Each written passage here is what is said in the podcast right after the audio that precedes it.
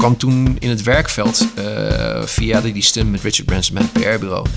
En ik had toen nog niet het idee van ik kan nu meteen gaan ondernemen. Uh, ik wist ook niet, ik moet, ik moet het wel voelen, het moet een functie hebben. Ik doe niet iets omdat ik het gewoon wil. Ik weet niet, ik moet, het moet voelen als de juiste weg. En toen kwam ik er nog wel achter van, ik heb nog wel wat te leren. En toen ben ik echt wel in, uh, via het PR-bureau en dus Mannen van Hessen gaan duiken in de wereld van uh, structuur, processen, teamwerk, interne communicatie, projecten, projectmanagement, uh, uh, het verkopen van een project, uren, hoe werkt dat? Ik ben gewoon, gewoon gaan leren, weet je wel. In 2018 kwamen de typische levensvragen van een millennial in mij naar boven. Waar krijg ik energie van in een baan? Wat is mijn definitie van succes? En hoe ga ik dit succes bereiken? Ik besloot mijn baan op te zeggen en op zoek te gaan naar antwoorden. In mijn zoektocht ging ik op koffiedates met mensen die succesvol zijn in hun vak. Ik wilde alles weten over hun mindset en over de lessen die zij leerden op weg naar de top. Deze gesprekken blijf ik voeren in de vorm van een maandelijkse podcast. Elke aflevering belicht ik het leerzame pad dat mijn gast bewandelt. Mijn naam is Floris Benschop en je luistert naar De Lessen van.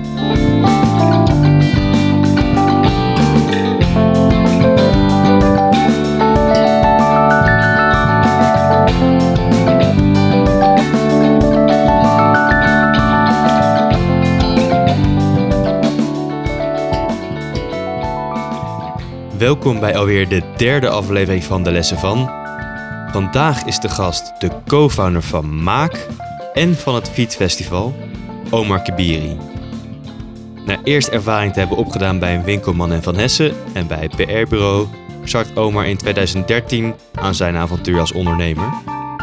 Deze creatieveling won meerdere prijzen, met onder andere campagnes voor Vodafone en voor het Rijksmuseum en ook leverde hij een hele belangrijke bijdrage aan het succes van Omroep Zwart. Ook mag Omar een van werelds bekendste ondernemers rekenen tot zijn netwerk. Ik sprak met Omar op zijn kantoor in Amsterdam. En net als altijd begon ik ons gesprek met de vraag: wat doet Maak nou eigenlijk? Maak uh, zet zichzelf neer als een nieuwe era marketing company.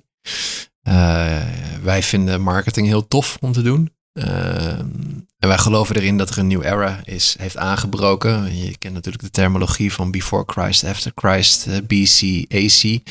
wij uh, vervangen Christ dan voor corona, zeg maar. Ik bedoel, er zijn heel veel dingen al langer al gaande, maar ja, toch 2020 en een deel van 2021 hebben bepaalde dingen in versnelling gebracht. Kun je ook zien in, voor mij, om het trend 2008, 2009, wat er in China gebeurde toen er ook een pandemie was, dat bepaalde dingen gewoon ja, sneller gingen. Zoals bijvoorbeeld e-commerce of et cetera, et cetera. Dus ja, en wij, wij, wij, zeggen oké, die nieuwe era is nu gewoon echt aangebroken. Weet je, wij, wij bevonden ons altijd een beetje in de voorhoede. En nu, nu dat die doorbreekt, laat het ook gewoon benoemen hoe wij denken en doen. En uh, dat is eigenlijk uh, wat, wat, wat, wat, wat we vanuit Maak uh, brengen naar de markt toe.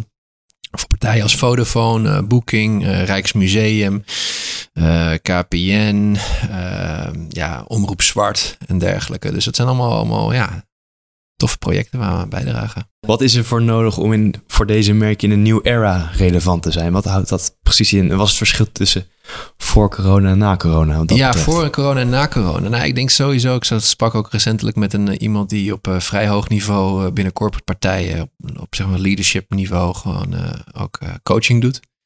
En die zegt gewoon, ja, dat is een enorme ramp daar momenteel bezig. Er zijn gewoon ja, 50-plussers, zeg maar, die decision makers zijn. En die eigenlijk datgene wat al langer stond te wachten, weet je, een soort van...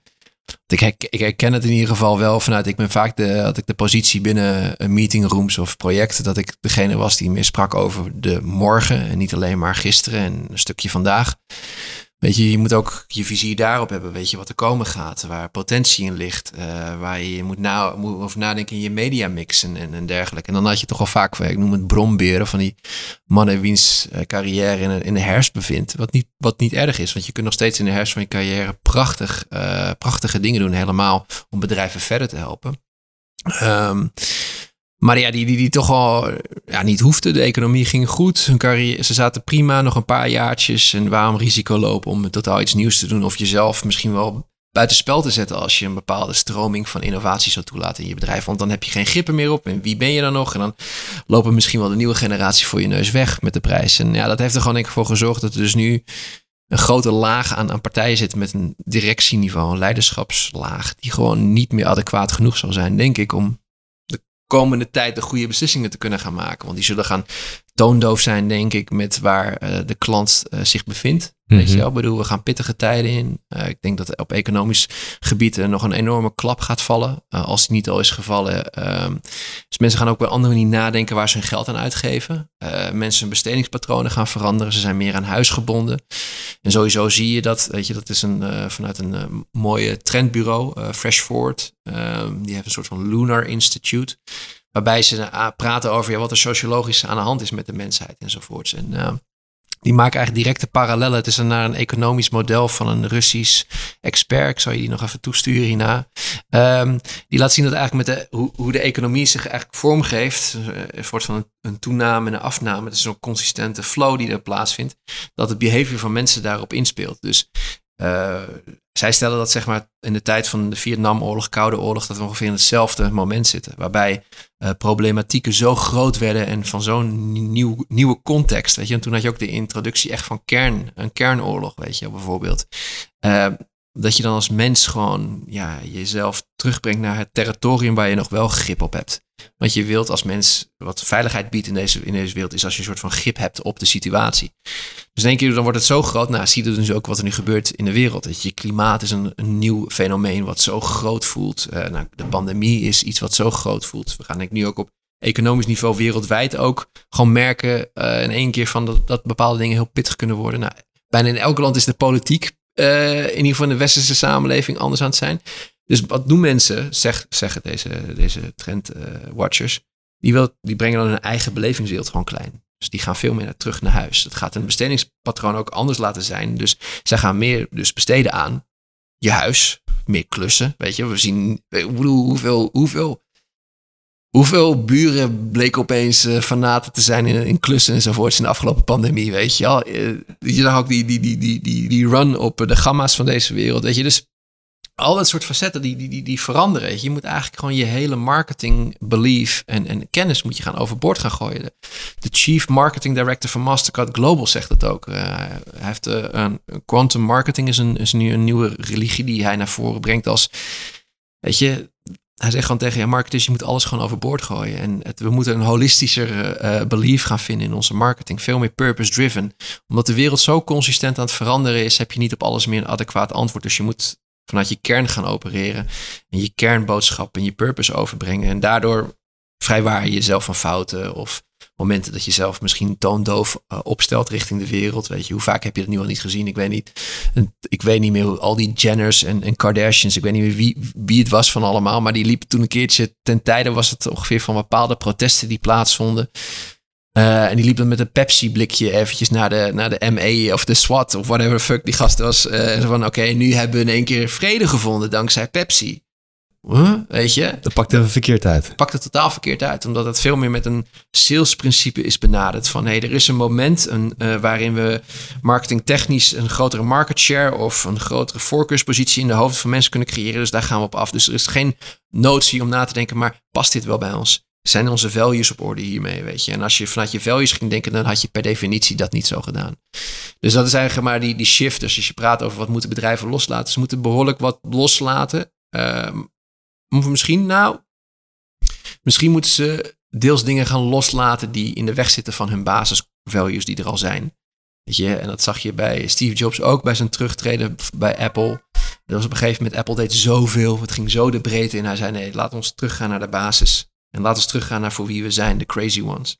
En dan creëer je eigenlijk gewoon een, een, een, een nieuw momentum in je organisatie. Wat denk ik ook super exciting is, weet je, als je het goed overbrengt. Want je gaat een nieuwe stip op de horizon zetten. En misschien mensen die tot voor kort jong, jong en talentvol waren, die elke keer hun, hun ideeën in de, in de archief, hoe heet het, op de stof lieten vangen op de plank, die ze nu opeens weer van de plank mogen trekken. En geloof erin, kijk ernaar, weet je. Of ook, wat ook Elon Musk aanhaalt, ja, ik drijf door, sorry, maar ook recentelijk heel mooi, en ik weet niet welke podcast het nou precies was, uh, maar hij zegt, ja, je, um, voorheen kom je, er, kwam je ermee weg dat je misschien niet zoveel uh, tijd en energie stopt in je, in je research en development van je product, je productontwikkeling. Maar hij zegt, ja, Tesla is alleen maar zo goed geworden eigenlijk doordat we insane, insane veel effort steken in het beste product te maken. Weet je, als je in de recentelijke podcast met Joe Rogan hoort hoe insanely good hun, hun, hun airbags alleen al zijn. Weet je wel? Dat het, hoe, hoe, dat het helemaal op basis van dat de stoel kan recognizen met andere sensoren wie er in de stoel zit, op welk puntje van de stoel zit. En dat als er op dat moment een ongeluk gebeurt, dan de airbags daarna vormen. Ja, weet je. Dus dat, is, uh, dat, is, dat zijn dingen. Dus het gaat van HR, het gaat naar company culture. Het gaat naar hoe je met je, dus met je talent omgaat, tot en met hoe je, je met je product omgaat. Ja. Uh, dus dat zijn. Uh, dus de wereld gaat blijven veranderen post-COVID. En jullie helpen organisaties en bedrijven om ook post-COVID misschien nog wel beter dan ooit hun verhaal over de bühne te krijgen. Ja, weet je. We, we, vinden het nu heel leuk om naar die partijen te gaan die in die nieuwe economy zitten met hun model. Dus die subscription-based partijen en dergelijke. En weet ik het allemaal. Uh, daar voelen wij als een vis in het water. Maar we vinden het ook heel tof om, om juist de, wat, de merken die, nog, die nu nog meer van gisteren voelen. Dus de aanstaande Hans, Hans Textiels bijvoorbeeld, weet je, bij wijze van, uh, naar de merken van morgen te brengen. Dat is wel. Uh, Leuk, spannend ook. Ja, zeker, absoluut.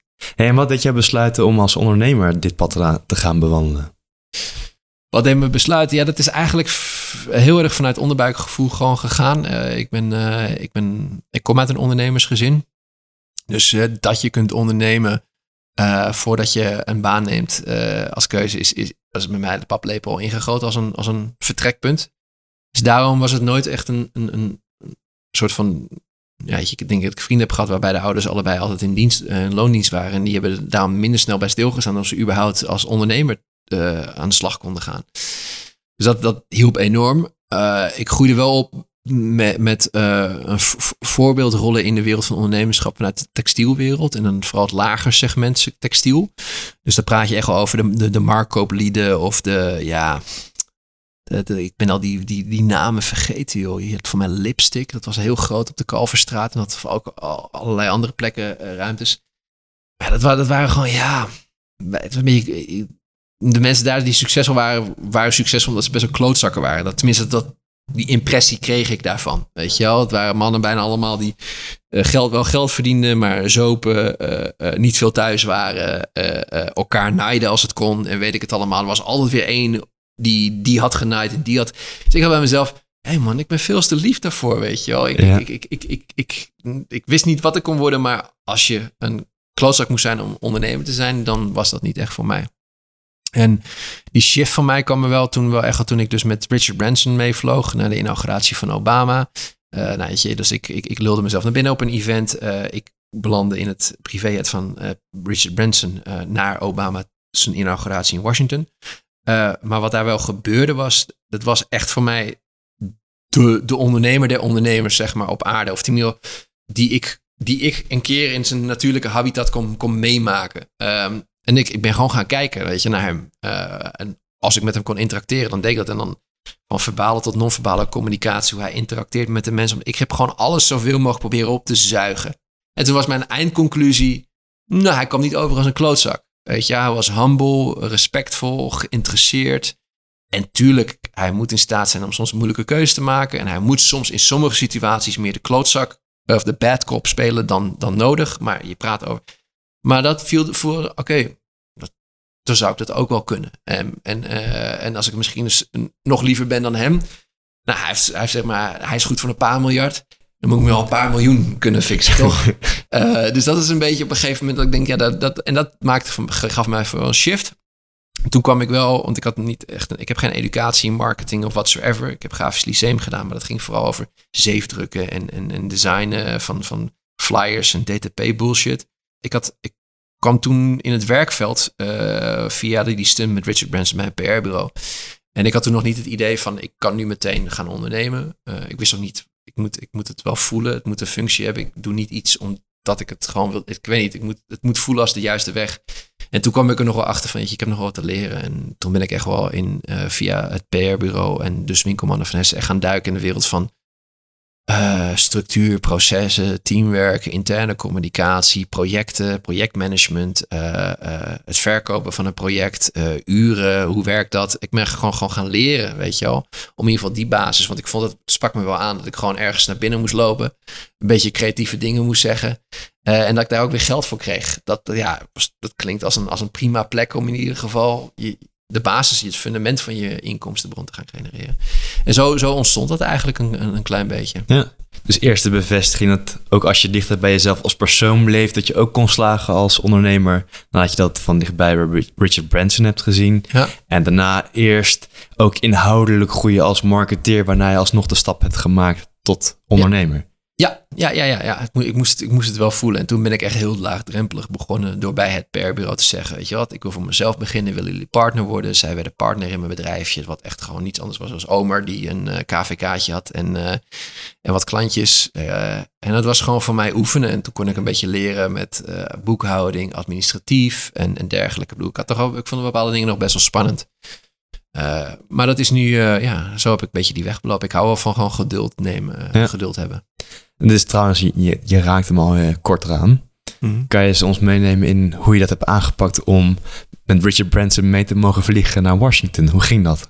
Um, nou, dat is dus. Um, nou, kijk, het, het, het, grote verhaal is eigenlijk als volgt. Um, ik had van een, van een, van een toenmalig buddy die, waarmee ik bezig was met een start-up. Dat heette Outgoing, wat een soort van loyalty uh, uh, systeem platform was. Uh, daar praten we echt over, wat is dit, 2006, 2007 of zoiets.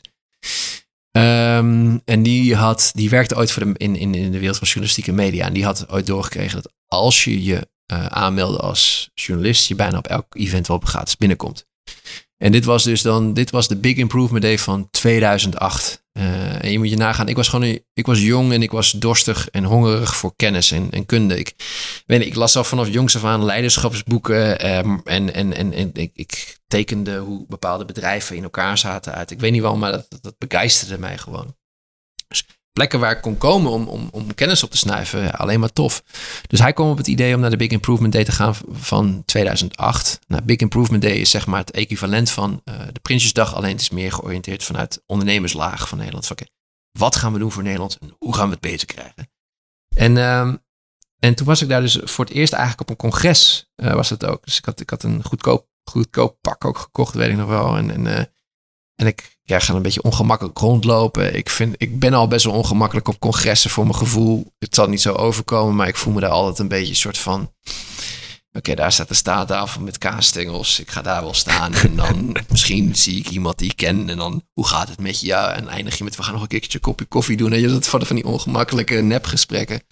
Maar buiten dat, eh, ik, voel, ik voel die dag wel heel, als heel leuk. Of we kwamen natuurlijk binnen.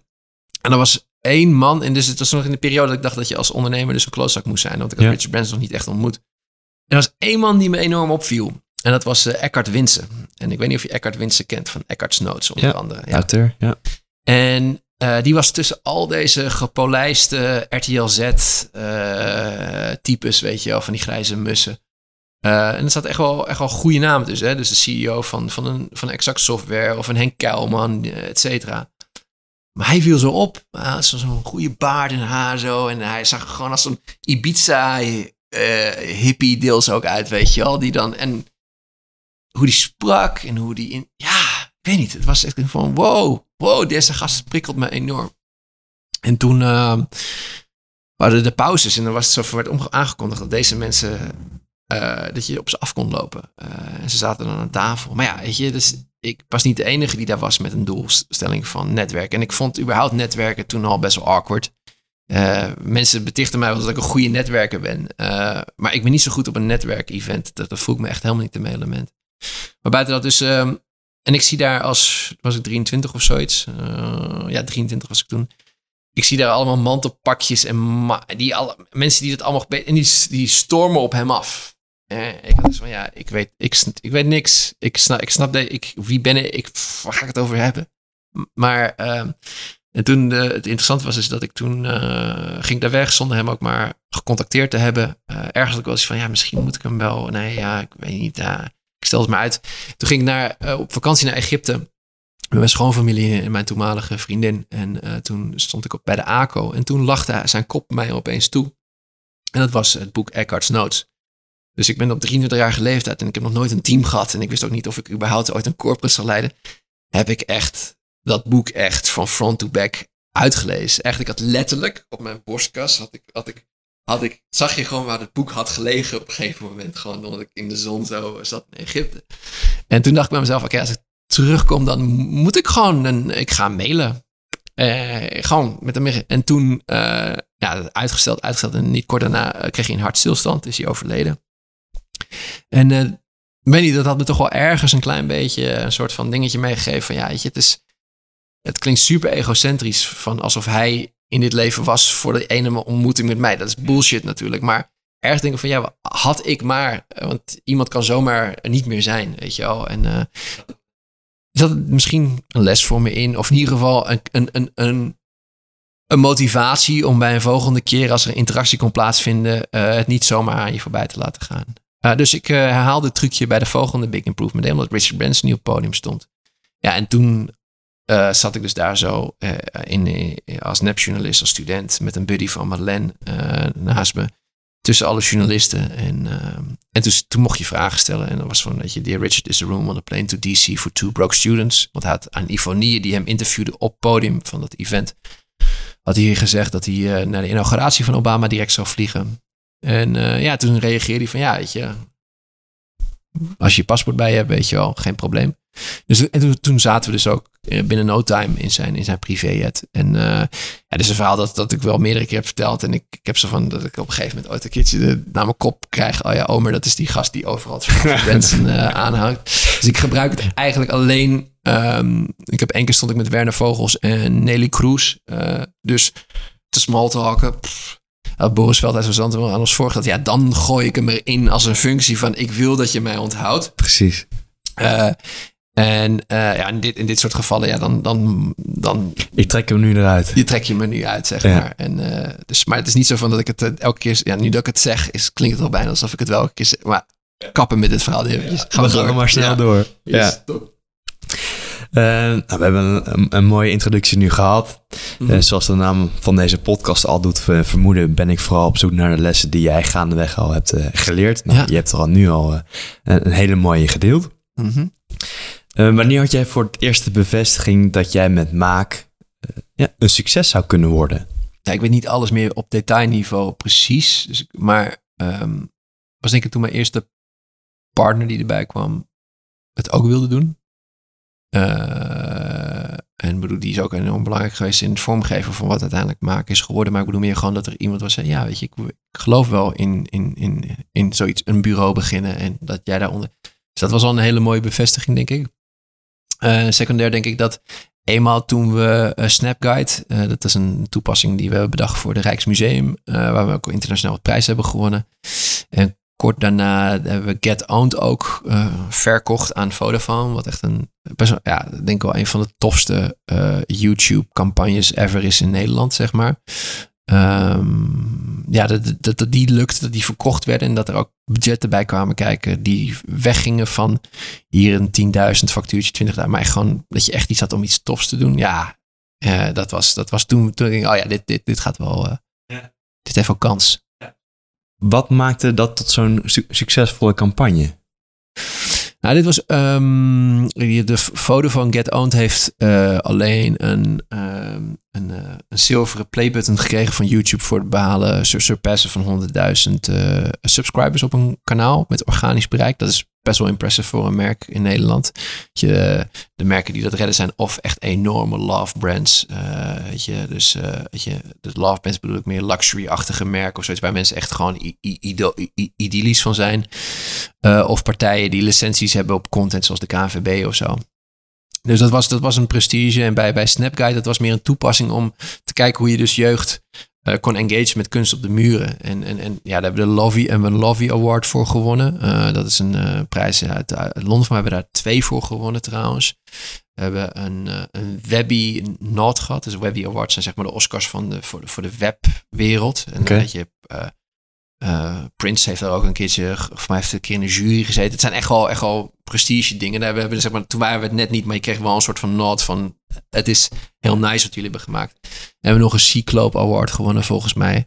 Uh, maar ja, dat, dat, dat, dat, dat, dat, wat het maakt dat het zo uniek was, denk ik, dat wij echt helemaal, ja, ik heb dan een soort van laserfocus op, op, op het publiek wat we bedienen. Uh, want het publiek is steeds meer in controle over wat zij uh, tot zich nemen. Uh, via hun notificaties of gewoon puur hun aandachtspannen. En dan gaan we echt helemaal tot, oké, wacht even. Ik kwam erachter dat vanuit de klasse die mijn moeder had op, op school, ze ging op een gegeven moment vloggen toepassen. Ja, Want jouw moeder is lerares? Ja, mijn moeder is lerares, kunstdocenten. en mijn moeder zag een bepaalde behavior ontstaan onder leerlingen. Dus zij, zij besloot op een gegeven moment vloggen te gaan introduceren als een soort van contentvorm om, om je proefwerkje in te maken als, als, als, als, als, clubje, als groepje in de klas, zeg maar.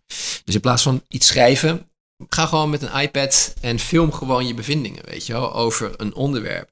Dus er werd er eentje, en ze zagen opeens dat, dat, dat dan als een groepje was van vier, vijf kinderen.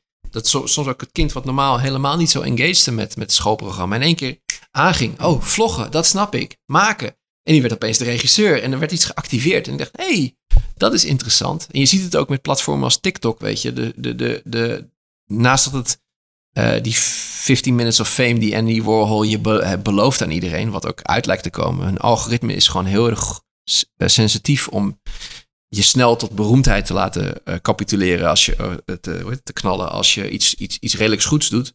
Plus dat het, de tools in, in TikTok het zo laagdrempelig maken om content te maken. Of je pakt iets uit de crowd heel gemakkelijk. Dus mm -hmm. is al 50% gedaan van je werk. Of de tools die erin zitten maken het al heel makkelijk dat je al ben je een subpar maken om above par content te kunnen maken. Ja.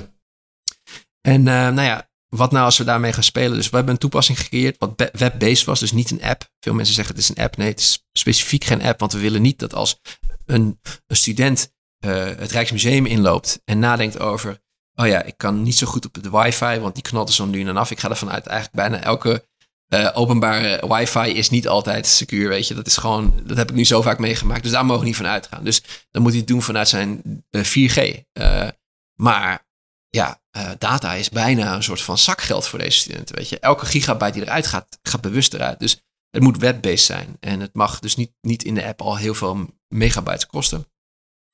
En dan vervolgens hebben we het gemaakt dat je dan een tour krijgt van een van jouw favoriete influencers. Dus een Ronnie Flex. En de tour die, waarmee hij je meeneemt is echt gewoon past bij zijn backstory. Nou, Ronnie is half Molux, half Surinaams. Dus we hebben rondom uh, het kolonialisme, zeg maar, een tour gedaan. En dan neemt Ronnie je mee langs zes werken in het, in het Rijksmuseum. Die, waarbij hij zichzelf heeft opgenomen, zoals hij zichzelf ook zou opnemen op Instagram Live bijvoorbeeld. Dus echt een directe link tussen de camera aan de binnenkant, die er kwalitatief anders uitziet dan de camera aan de achterkant. Ja. Um, daarin hebben we hem zeg maar zichzelf laten recorden. En dan staat hij dus voor een kunstwerk. En dan zegt hij bijvoorbeeld, oké, kijk nu naar de nachtwacht. En dan soms kijk je alleen naar de nachtwacht. Soms doet hij voor de selfie-modus. En dan staat hij zelf half in de nachtwacht. En dan zegt hij van, oké, en daar staat een gast die staat een beat te tikken. En daar zie je dat meisje. En hij, hij laat zeg maar op die manier, op een heel laagdrempelige manier, de, de, kijker meegaan om te kijken, te gaan kijken naar het kunstwerk enzovoort. En op een gegeven moment rondt hij het af naar een soort van challenge. En hij zegt voor mij, wie is de meest machtige persoon, denk je, op dit schilderij? En waarom? vertel het me in Snapchat of een Instagram. En dan worden dus de jongeren die switchen de hele tijd tussen hun, hun, hun, hun apps die ze hebben runnen en weet ik het allemaal. En ze hebben bijna altijd Snapchat of Instagram aanstaan op de achtergrond. Dus dan, open, gaan ze van uh, de Snapguide eventjes naar hun Snapchat. Recorden ze zichzelf soms met een facefilter of whatever op. Oké, nou ik denk dat de meest machtige man op dit schilderij die is. En dan opeens al super zoom. En dan en dan, ja, dan creëren ze eigenlijk een soort van videokunstwerkje met zes antwoorden op challenges. En, en, aan het einde van de tour zegt Ronia, lood ze op naar je leraar. Die krijgt dan een linkje. En dan heeft de leraar dus de volgende dag gewoon uh, super toffe content gemaakt door de studenten in de beeldtaal die zij prefereren over kunst. Uh, je, je, het is, het is het is, het is een andere manier van, van, van, van educatie dan ook meteen. Dus dat vind ik heel tof dat je op een goedkope manier het probleem op, een probleem oplost in het Rijksmuseum. Uh, of in kunst aan zich, de drempel verlagen voor jeugd om te. En je lost ook nog een keer een pro probleem op in de klas uh, tegelijkertijd. Dus ja. dat is een, uh, even kort door, de, nou, kort door de bocht, ik ben nogal lang verstof, excuus Floris. ja, is dat een project? Ja, het is laagdrempelig, persoonlijk, omdat Ronnie in dit geval echt contact met je maakt en er ontstaat interactie ja. met je lerares. Ja, dus echt dat je gewoon ziekelijk ver gaat in het, in het uit, uitdelven van wat er voor nodig is om een authentieke band uh, te creëren met je audience. En dat dus ook de keuze voor een lagere kwaliteit beeldcamera aan de binnenkant van je telefoon ook al een bewuste keuze is in de toepassing hiervan. Want daarin ervaren, daarin is onbewust is er dus voor jeugd het, het intieme moment tot een held. Precies. In, die, in dat perspectief. Ja. Dus uh, ja. Cool. Cool. En is dit dan ook dan het succes waar je het meeste trots op bent met Maak? Um, Ja, het zijn toch wel de, de, de, de ik vind uh, waar, waar ik het meest trots op ben, is toch wel als het een soort van, als we er, optimaal plezier uithalen als maak. En plezier is voor mij een samenvoegsel van, um, dat ik denk dat je jezelf fulfilled voelt als je groeit. Uh, dus je moet iets hebben geleerd. En, en je moet het gedaan hebben met, um, ja, met, met, met een leuk team. Gewoon dat je elkaar naar een hoogvogeld niveau. Toe, en als het dan ook nog een keertje gewoon zakelijk sens maakt. En ook nog een keertje wat. En ook nog een keer de wereld verder brengt. Op welke manier dan ook. Ja, ja, Dan, dan dat is voor mij zeg maar de holy grail. Dat, dat het zakelijk sens maakt. Dat het iets doet voor de, voor de eindgebruiker. Uh, ja, en dan het eerste stukje wat ik zei. Ja. ja. Dat is een mooie definitie van succes. Voor, voor wat wij maken, een succesvol project uh, kenmerk ja. wel, ja. Gaaf. En wat is de grootste tegenslag die jij met Maak hebt, uh, hebt ervaren? Hm. Ik vind het een lastige. Uh, er, is, er, kijk, er zijn situaties die, die je heel makkelijk kunt benoemen extern. Maar laat ik het zo zeggen. Ik denk dat we uh, uh, een lange tijd hier bij Maak hebben geprobeerd om visies te verenigen die uiteindelijk onverenigbaar bleken. Tussen? nou, op de werkvloer, weet je. Je hebt toch gewoon leiderschap. En je hebt een bepaalde samenstelling van, van hoe je je bedrijf runt. En, en uh, en, en, en daarin hebben we denk ik wel een aantal keren gewoon uh, ja, niet de beste keuzes gemaakt. En zijn, is er niet altijd eerlijk, uh, zijn we niet altijd even goed, goed, eerlijk naar elkaar geweest. Omdat we elkaar lief hadden of, of, of wilden gaan voor het politieke correcte antwoord. Mm -hmm. En dat heeft, dat heeft wel zijn, zijn weerslag gehad op de werkvloer. Ja. dus dat, zijn wel, dat is voor mij de grootste tegenslag. Dus ik wil niet, ik vind tegenslag meteen weer zo klinken alsof je je soort hebt van het had niet moeten gebeuren en het, is, het, heeft helemaal gebeurd. Is helemaal gebeurd. Dus laten we dat meteen wegstrepen. Dus het is niet een soort van we gaan, we gaan niet slachtoffer over doen. We gaan gewoon kijken hoe we ervan kunnen leren en van kunnen groeien en, en, en wat we in die tijd uh, hebben fout gedaan. En, en, en daar lessen uithalen die we meteen proberen te, te veranderen. Want anders is, het, anders is het wel een tegenslag als je niet dat eruit haalt. Um, dus ja, weet je, dat was voor mij, dat is heel, ik weet het is een beetje abstract. Uh, dus ik wil het vooral hebben over, over dan misschien wel over wat je, wat je ermee kunt doen. Uh, maar dat was voor, dat, dat, dat is hoe we dan wel, waarom ik het moeilijk vind om te zeggen dat, dat we, of een tegenslag hebben. We ja. maken geen tegenslag meer. Los van, de, van het label. Ja. Uh, maar dus de les is, als ik je goed naar je luister, is dat je al zo snel als mogelijk met jouw partners gewoon eerlijk moet zijn naar elkaar. Ja. Daar niet elkaars gevoelens gaat beschermen. Ja. Maar zo snel als mogelijk tot de kern van een, een probleem. En dus in dit geval een visie komt. Want anders gaat het uiteindelijk op de werkvloer ook een beetje borrelen. Ja, weet je, het is, het is zeg maar zo. Ja, ik denk dat, kijk, het is, het, is, het, is, het is verraderlijk om het niet te doen in tijden dat het goed gaat met het bedrijf, weet je. Want dan is de deur wagenwijd uh, uh, waar je samen doorheen moet gaan. En dan, dan, dan kan je makkelijker wegkijken. Um, maar in de tijden dat er, dat, er, dat er gewoon een crisis is zoals we er nu ons in bevinden, dan, dan worden de dingen gewoon scherper gesteld. En, en, en dan wordt die deur ook gewoon smaller waar je doorheen moet met z'n, tweetjes. Dus ja, weet je, en dan, dan is het maar gewoon ook goed in, goed in tijden van dat het goed gaat, om, om soms ook gewoon even gewoon goed eerlijk met elkaar te zijn. Ja. En, en, en, en voelt dit ook echt goed op alle punten. En als dat niet zo is, uh, ja, dat je, dan, dan, dan, dan, is dat, dan is dat prima. Uh, even goede vrienden. Maar ja, dus dat, dat ja, uh, radicale eerlijkheid. Dat ik het zo noemen. Mooi. Hey, je vertelde net al dat je, jouw prachtige definitie van succes. Ik zie jou ook als een hele succesvolle ondernemer. Naast Maak Amsterdam heb je onder andere uh, de Feed Awards heb je opgericht. Mm -hmm. Aan het begin van deze pandemie heb jij onwijs snel een platform weten te bouwen waarin jij wereldwijd de schaarse mondkapjes wist te verspreiden. Mm -hmm. um, Laatst heb je ook nog met Omroep Zwart uh, veel successen geboekt. Daar was jij een drijvende kracht in. Heel veel mensen willen op hun manier succesvol zijn. In jouw geval ondernemer. Wat maakt dat jij zo succesvol bent? Ik denk het is een mix van uh, uh, bepaalde karakteristieken. Die, die je hebt gewoon als mens waar je mee bent geboren, wat je hebt geërfd, et cetera. Ik denk ook dat het een mix is van, van je deels bent geprogrammeerd. Veel ondernemers hebben ADD en het is niet zomaar dat dat zo is. Uh, weet je, en ja, je, je, hebt, je hebt een andere manier van hoe je bent geprogrammeerd om, om, en waar je dus gelukkig van wordt en waar je focus naartoe gaat. En je kunt keer helemaal begeisterd zijn van een onderwerp en daar in één keer een super focus op hebben en daar En dan het moment vinden van, oh ja, weet je, eh, hier kan ik een bedrijf uit creëren of whatever of zoiets. Dus, en, en ook gewoon deels hoe je bent opgegroeid.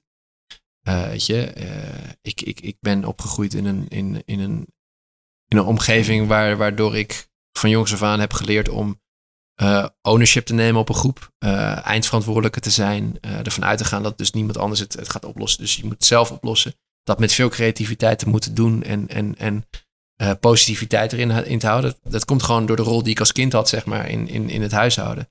Uh, en dat, dat, dat komt uit een niet de meest positieve eh, rol die je als kind moet hebben in, in je jeugd. Maar het is zo gebeurd. En heeft als, na, als neveneffect dat ik op bepaalde dingen die dan vervolgens zich doorvertalen op werkvloer in skills. Uh, ja, uh, denk ik best wel goed kan, ben in leiderschap vertonen. Best wel goed ben in een groep meekrijgen in, in, in waarom we iets moeten doen. Um, en dus ook snappen hoe je dus de positiviteit hoog houdt, ondanks dat het soms pittig is. Je een bepaalde grit te hebben, gewoon doorpakken en doorgaan. Al duurt het, dan duurt het maar een jaar voordat we er zijn. Dus dat, dat zijn allemaal dingen die samenkomen, denk ik, om, om, om, om te kunnen zeggen, weet je wel, van hoe je, hoe je succesvol kunt zijn in het leven. En uh, ja, daar ben ik niet te midden in om dat überhaupt te snappen en te kunnen omvatten. Weet je, dat vind ik super interessant. En, maar het is heel gelaagd, ja. denk ik. En wat is nou de les die jij zelf nog moet leren? De les die ik zelf moet leren. Nou, ik denk dat de grootste les die ik zelf moet leren is dat ik uh, mezelf motiveer door wat ik echt als mens wil. Wat, ik, wat echt uit mijzelf komt en wat niet gevoed wordt door angsten of iets of zo. Ik denk, en dat bedoel ik, daar kwam ik echt achter uh, in recente periode, dat ik toch best wel veel, uh, een drijfveer is, een bepaalde angst, zeg maar. Een angst om niet te doen, toe te doen of niet gezien te worden of uh, een bepaalde bevestiging nodig te hebben. Uh, en en dat, dat kan heel goed werken. Hè? Dat kan je echt een, enorm vooruitstuwen. Ik denk dat echt een x aantal successen van beroemde mensen daar deels aan te danken zijn. Gewoon, ik wil erkend worden. Zie je hoeveel artiesten dat wel niet, niet hebben, weet je wel. Um, dus dat brengt je maar, dat brengt je ver, maar dat brengt je maar tot zover.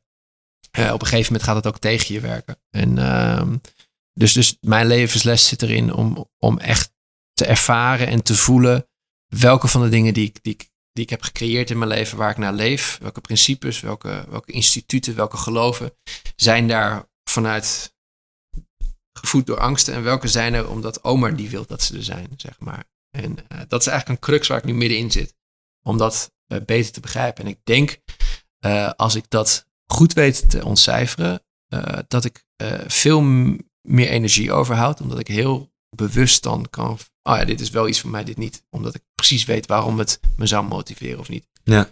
Ja, dat gaat me denk ik veel secuurder maken met mijn tijd en, en, en, en, ook mijn geluk. Ja. ja. Een interessant proces naar de New Era Omar. Ja, misschien is dat wel een goede. Zeker. Ja, mooi bruggetje. Dan komen we langzaam aan bij het uh, einde van dit gesprek. Oh.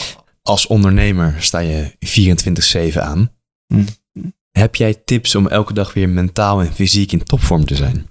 Um, nou, je, ik, denk, ik denk ten eerste is het denk ik heel belangrijk om ervoor te zorgen dat je op de juiste manier 24 uur 7 aanstaat als ondernemer, anders niet vol te houden.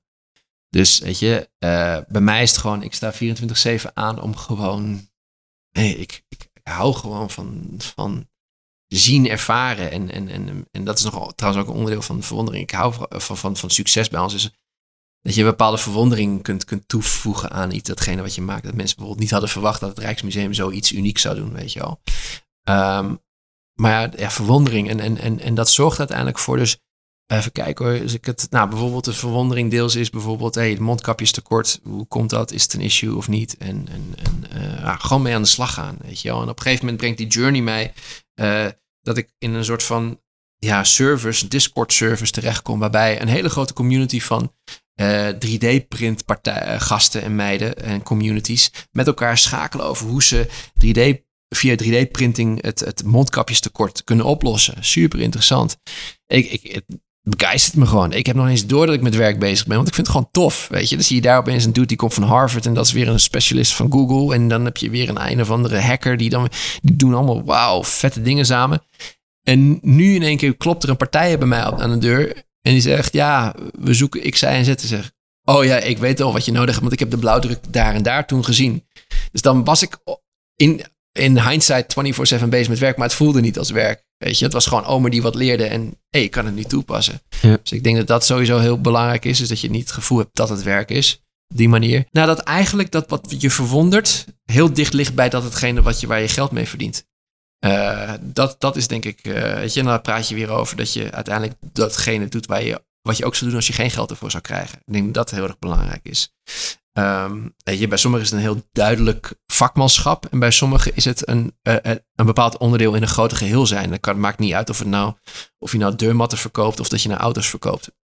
Um, en secundair, zeg maar, over wat je kunt doen. Kijk, je hebt zeg maar, denk ik, gewoon je, je dagelijkse cyclus die je kunt optimaliseren voor je gezondheid. En dat praat je over eten, beweging, uh, socializen en, en, en zoveel boeken per week lezen. Nou, ik, ik ben heel slecht in boeken lezen. Uh, dat is echt ook heel kut, omdat ik best wel veel mensen moet geven die boeken uitgeven en brengen. En die geven me boeken en dan ben ik ze heel dankbaar voor. Maar ik weet al, het lukt me gewoon niet om boeken uit te lezen. Dat lukt me echt eens in de zoveel tijd. Uh, zoals het, het Eckart's Notes. Maar dat noem ik echt zeg maar de dagelijkse cyclus. En daarin weet ik wel ongeveer wat gezond voor me is. Maar je hebt ook zeg maar je grote cyclus. en dat gaat over, weet je, om de drie, vier jaar ben je net als een, weet je, een soort van... Moet je weer, dat is de, de kreeft, daar is een mooie analogie van. Weet je, dan moet je weer doorgroeien. Dan moet je je uit je oude jasje. En, en, en, en dat is vaak ook een pijnlijk proces. Dus ik zit nu midden in die grotere cyclus, waardoor die kleinere cyclus wat instabieler wordt. Uh, maar ik probeer dus nu te gaan kijken dat ik en zowel die kleine cyclus goed intact kan houden. Want, want het was vaak, of ik was daar heel erg in. Weet je, dan ging ik gewoon vijf keer in de week sporten. Had ik gewoon gezond, et cetera, et cetera. Maar dan nam dat zoveel ruimte in dat dan die grote cyclus minder makkelijk aan bod kwam. En nu ben ik bezig met die grote cyclus, waardoor die dagelijkse cyclus een beetje onder druk komt. Dus mijn streven is dat ze elkaar in balans houden en dat ze samen gaan. En, uh, en uh, daar zit ik nu middenin. Dus, uh, ja, dus hoe blijf je gezond? Is wat mij betreft goed bewust zijn over wat je dagelijkse cyclus moet zijn om gezond te zijn en dat bij je past. En wat je grote cyclus is in die oog, oog halen. Want je ziet ook, en dan heb je het, uh, was laatst heel mooi, de, noemen ze nou die, die weekend junkies of zoiets, of zoiets die dan vijf dagen in de week dan uh, plant-based yoga schooltjes en whatever the fuck doen. En in het weekend keihard aan de ketamine gaan en weet ik het allemaal.